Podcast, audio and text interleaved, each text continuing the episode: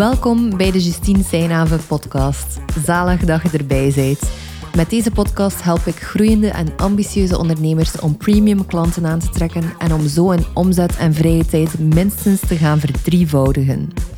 In de podcast ga je onder andere verhalen horen over het ondernemerschap, kritische vragen om te helpen je business sterker te maken en heel veel tools om zowel je money mindset te verbeteren als het high-end businessmodel te beginnen hanteren.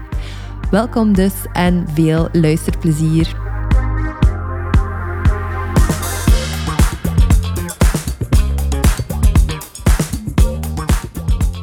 Als je doet wat je altijd deed, dan krijg je ook wat je altijd kreeg. Dat is een quote die een van mijn klanten onlangs postte op Instagram. En het was eentje die ik vroeger nog gehoord had, uh, die eventjes uit mijn hoofd geglipt was, maar die ik wel op ondernemen heel sterk van toepassing vind. De grote verschillen in je business komen er niet als je geen grote beslissingen neemt. Als je onbewust in hetzelfde stramien altijd blijft verder doen. Als je bepaalde overtuigingen zoals als ik harder werk, dan zal het wel lukken, blijft volgen. Dat is ook een van de plekken waar ik heel veel mensen de mist in zie gaan. Ze werken harder in plaats van slimmer. En ik zie dus veel ondernemers goed in hun bedrijf werken en vaak ook zelfs aan hun bedrijf. Maar dan nog zijn er bepaalde moedige beslissingen die ontbreken. De ondernemers die ik zie die overwerkt zijn, die uitgeput zijn, die gaan altijd een moedige beslissing uit de weg. Of een slimme beslissing uit de weg. Het is ook een beetje zoals dat je soms in andermans zaken ziet. Misschien kijk je naar het programma. Het verschil gebeurt niet in uw bedrijf. Het verschil komt er pas als je een stap terug, terug durft zetten en echt vanuit een verder perspectief naar je bedrijf kijkt, voelt wat je wilt neerzetten en dan je bedrijf daarop laat aansluiten. Als je voelt wie dat jij bent. En bij veel ondernemers is dat eigenlijk een veel rustiger, een veel chiller bedrijf. Nu ben ik vooral aan het omschrijven wat ik zie bij mijn klanten en bij andere ondernemers. Maar ik wil u vandaag eigenlijk meenemen in de moedige of slimme beslissingen die ik zelf genomen heb in het eerste kwartaal van 2022.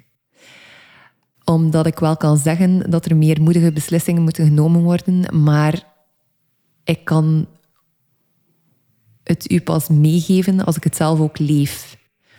Daarom vind ik het belangrijk om hier even op in te gaan. En een van die eerste beslissingen die heel veel voor mij betekend heeft, is om met een online business manager te beginnen werken. Um, ik ben met Annelies beginnen werken en zij is eigenlijk aan de ene kant verantwoordelijk voor het organiseren van mijn uh, live dagen of van de tweedaagse voor mijn uh, mastermind klanten in mei. Er is twee keer per jaar een samenkomst um, waarin dat we echt gaan reflecteren op wat er het voorbije half jaar gebeurd is en voelen wat er nu ligt, welke moedige beslissingen er genomen moeten worden en hoe we verder vooruit willen. En daarnaast helpt zij mij ondertussen ook met pre-sales, met het salesleuk dus te ondersteunen. Ik vond dat een heel spannende beslissing, omdat het voor mij ook best wel een investering is om met een online business manager te werken. Uh, ik werkte al met een VA en ik wil er ook bewust voor kiezen om mijn team klein en behapbaar te houden. Ik ben niet van plan om, um, ook al wil ik doorgroeien naar een miljoen en verder, uh, ik ben niet van plan om met een team van tien mensen bijvoorbeeld te werken. Ik wil dat kunnen doen met drie, vier, vijf maximum mensen, uh, waarvan iedereen eigenlijk freelancer is of op projectbasis samenwerkt. Misschien met één vaste werknemer. En dat is mogelijk ook omdat ik ehm, het high-end model hanteer, waarbij dat je eigenlijk de bovenkant van de markt gaat bedienen, op die manier hoge prijzen kunt zetten en er op een ondersteunende manier bent voor je klanten. Waardoor je agenda dus ook niet helemaal vol loopt. Um, tenzij dat je dat wilt natuurlijk. Je kunt hem altijd voller plannen als je dat wilt. Maar het hoeft niet. Nu ben ik even aan het afwijken, maar ik had het dus over uh, waarom het slim of interessant is voor mij om met Annelies samen te werken. En het was een spannende keuze om dus die investering te maken, om echt te zeggen van oké, we gaan het volledige jaar lang samenwerken. Ik heb eerst een proefperiode met haar gedaan van een maand, uh, om te zien of dat wij wel een match waren. En eigenlijk in die proefperiode begon ik plots heel sterk te twijfelen. Begon ik plots te denken, oei, zit ik wel op het punt dat ik iemand nodig heb? Is dat hier geen overbodige kost? En zo verder enzovoort. Want als je mij kent, dan weet je ook dat ik voor winstgevendheid sta. En dat ik ook niet zomaar in eender wat investeer. Ik wil het gevoel hebben dat ik slimme investeringen aan het doen ben. En heel vaak blijken de investeringen dat ik maak slim te zijn. Ook moedig en spannend soms, want ze zijn niet allemaal even evident. Bijvoorbeeld 30.000 euro in een coachingtraject investeren, dat was een spannende beslissing voor mij. Maar ik wil het gevoel hebben dat ik een slimme beslissing maak. En op een bepaald punt werd ik daar dus in uitgedaagd, omdat ik plots het gevoel kreeg van ja, zou ik het toch niet beter allemaal zelf doen en zo verder en zo voort. En door die gedachten eigenlijk te krijgen en door mij daar bewust van te worden, besefte ik weer dat er een oud verhaal aan het spelen was. Een verhaal waarbij um, dat ik mezelf dus vertel dat ik het eigenlijk allemaal zelf zou moeten kunnen oplossen. En ik geloof voor een stuk dat dat zou kunnen. Ik geloof echt um, dat ik tot aan, ja, ik zeg maar iets, misschien zelfs tot aan een miljoen zou kunnen geraken, waarbij dat ik heel veel zelf oplos en dat ik het echt heel, heel klein hou. Waarbij dat ik op een heel beperkte manier met freelancers samenwerk en zo verder.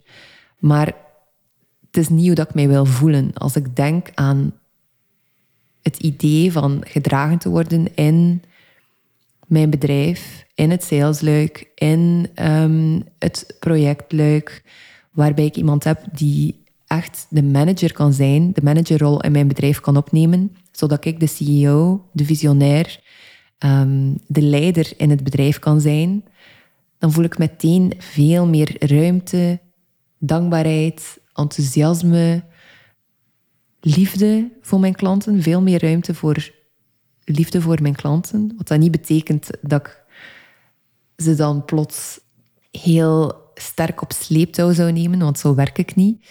Um, klanten die bij mij instappen weten dat ook. Ik ben er niet om je handje vast te houden. Ik ben er wel om jou op lange termijn op je eigen benen te zetten in het high-end luik. En het gevoel dat ik dus naar op zoek ben, dat heeft mij uiteindelijk gedreven om te beslissen om op lange termijn met Annelies samen te werken. En dat is meteen ook iets dat ik aan jou wil meegeven vandaag. Van ja, er is, er is zoiets als slimme investeringen maken. Er is zoiets als ervoor zorgen dat je echt winstgevend bent. Um, je hoeft van mij geen geld door ramen en deuren te gooien als je aan het investeren bent. Uh, ik zie ook mensen die denken dat als ze investeren, dat het plots allemaal magisch opgelost wordt. Zo werkt het ook natuurlijk niet. Maar ik wil u wel uitnodigen om als je twijfelt over een investering, probeer te voelen bij jezelf hoe dat het zou voelen om die investering gemaakt te hebben, om bijvoorbeeld een business coach ingehuurd te hebben die je kan helpen dragen in het proces en de grootheid dat je naar op zoek bent. En te kijken of dat je op basis van dat gevoel je beslissing kunt maken.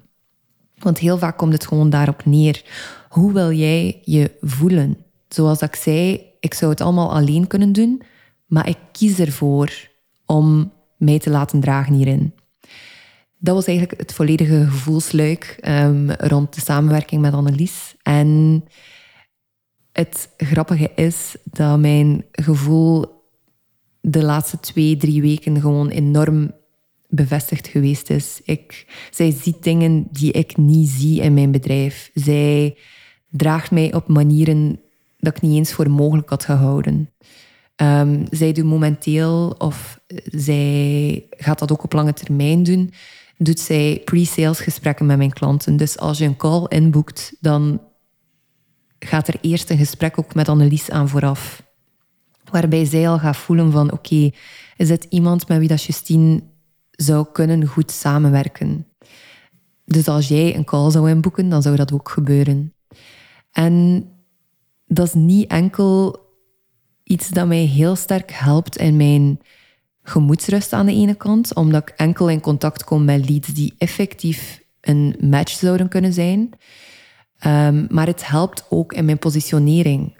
Ik ben deze week bijvoorbeeld naar de gynaecoloog geweest. Als ik, of vooraleer ik binnen mag bij de gynaecoloog zelf, ga ik altijd eerst bij de verpleegster langs. Um, die vraagt dan hoe dat gaat met mij. Die neemt mijn bloeddruk. Die uh, vraagt al om eventueel een volgende um, sessie in te plannen, een, een jaarlijkse controle.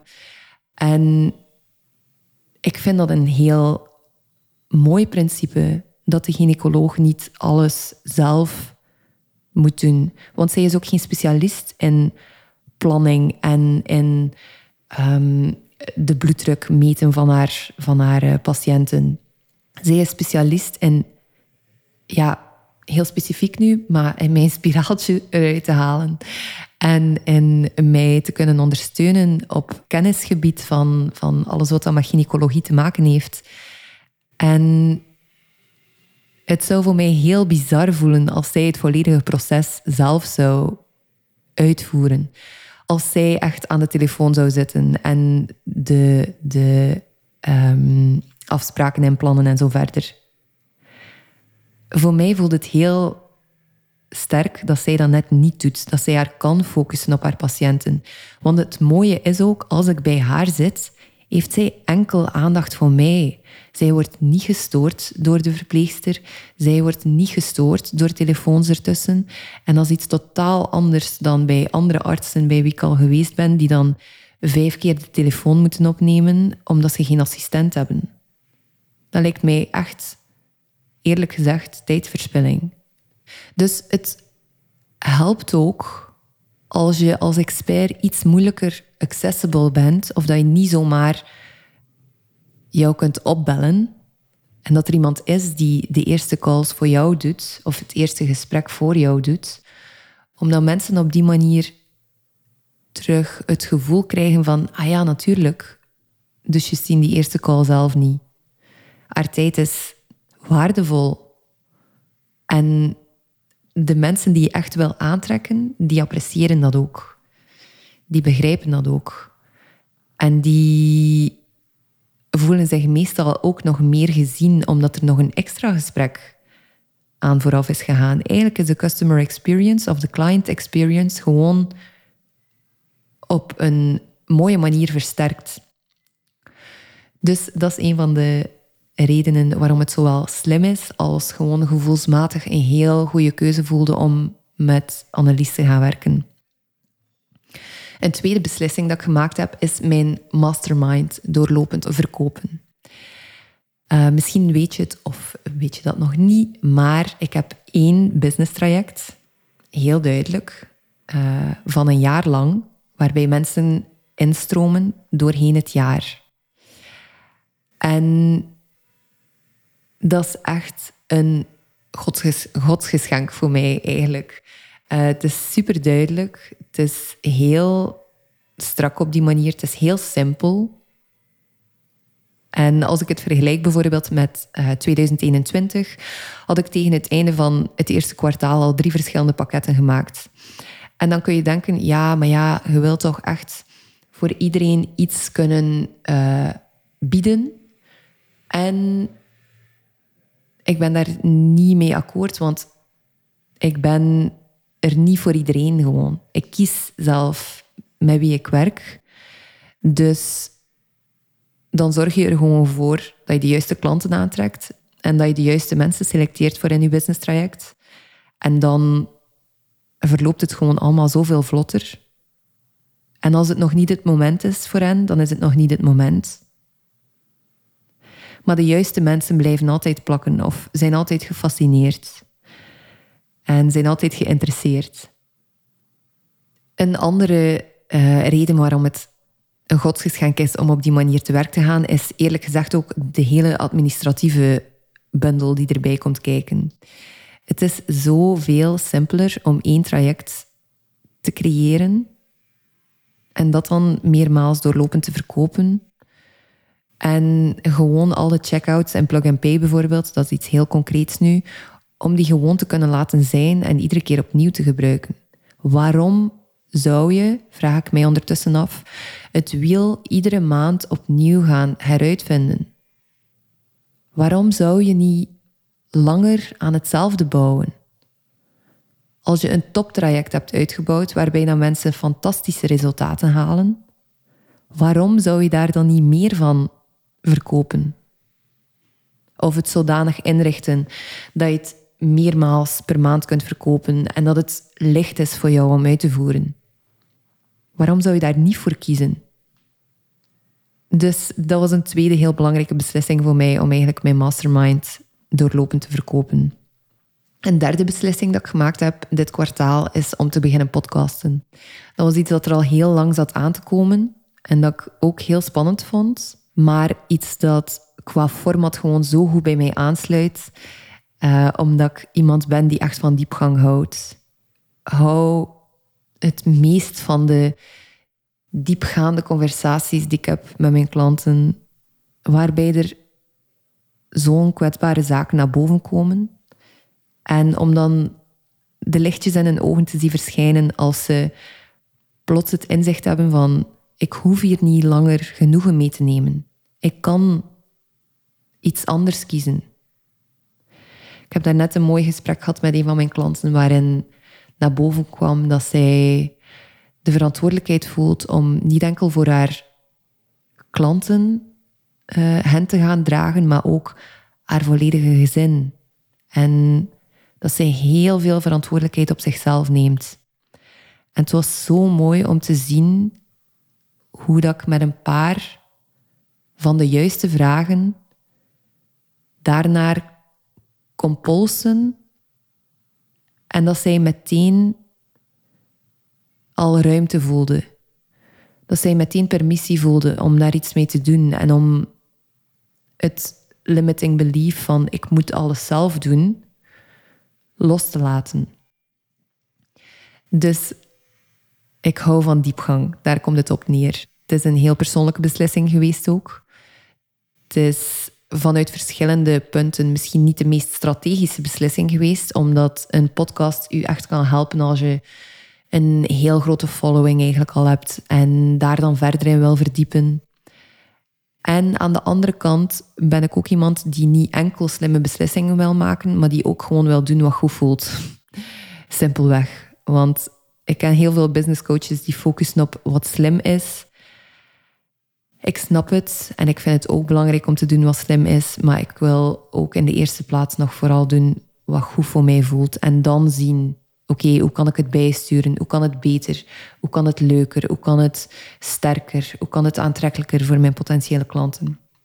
Dus vanuit dat vertrekpunt, uh, waar dat diepgang heel belangrijk is voor mij en waar dat je gewoon in een podcast veel meer kunt vertellen, veel meer nuance kunt geven, um, veel meer verhalen kunt vertellen ook, naar mijn gevoel, uh, is het dus aan de andere kant dan ook wel weer gewoon een slimme beslissing ik zei net dat het niet de meest strategische was, maar het is op een bepaalde manier wel een slimme beslissing om dit te beginnen doen, omdat ik zo longform en shortform in mijn marketing kan afwisselen. Ik heb een newsletter die er uh, ongeveer wekelijks uitgaat. Ik post drie keer per week op Instagram. Ik post stories en zo verder. En dat is allemaal heel fijn, maar dat zijn allemaal kleine, beperkte stukjes content die je van mij kunt horen of lezen. En ik wil echt, of ik wilde echt een soort van format waar dat ik mij zelf de ene, aan de ene kant helemaal in kon verdiepen en aan de andere kant waar dat jij als luisteraar ook helemaal kunt induiken. Misschien herken je dat wel, maar als je iemand ontdekt plots die in lijn ligt qua visie met wie dat jij bent, waar dat jij naartoe wilt, en dan merk je ook dat die persoon een podcast heeft en dan staan daar 50 afleveringen of meer misschien, dan kun je echt helemaal beginnen bingen. En dat is ook wat ik wil kunnen aanbieden aan mijn potentiële klanten. Of gewoon aan de mensen die mijn visie inspirerend vinden. Want niet iedereen is een potentiële klant natuurlijk. Dus wat ik daarbij wil meegeven, stel dat je zelf ook twijfelt al even van, hmm, zou ik een podcast beginnen of niet? Zou ik mij vooral afvragen van, oké, aan de ene kant, hoe zou het voelen voor jou om een podcast te hebben in de eerste plaats? Hoe leuk zou je het vinden om regelmatig achter die micro te gaan zitten en je verhaal te vertellen? En ja, plots gewoon ook veel meer bloot te geven dan dat je bijvoorbeeld kunt op, um, op Instagram Stories of, op een, of in een LinkedIn-post. En aan de andere kant je ook afvragen van waar past het in je, in je strategie. Want ik kan hier nu zeggen inderdaad dat het geen strategische zet van mij was. Maar ik ga ook eerlijk zijn, voor mij de investering dat ik nu in de podcast steek, in Matthijs, mijn podcastmanager, als ik nog maar één klant binnenhaal die meer opgewarmd geraakt is door de podcast, dan heb ik mijn investering financieel al eruit gehaald. En dat is dan nog zonder het zelfontplooiingsluik, waarbij ik aan het leren ben om mij beter te articuleren, om mijn ideeën beter te kunnen vangen. Dat is dan nog een ander voordeel dat erbij komt.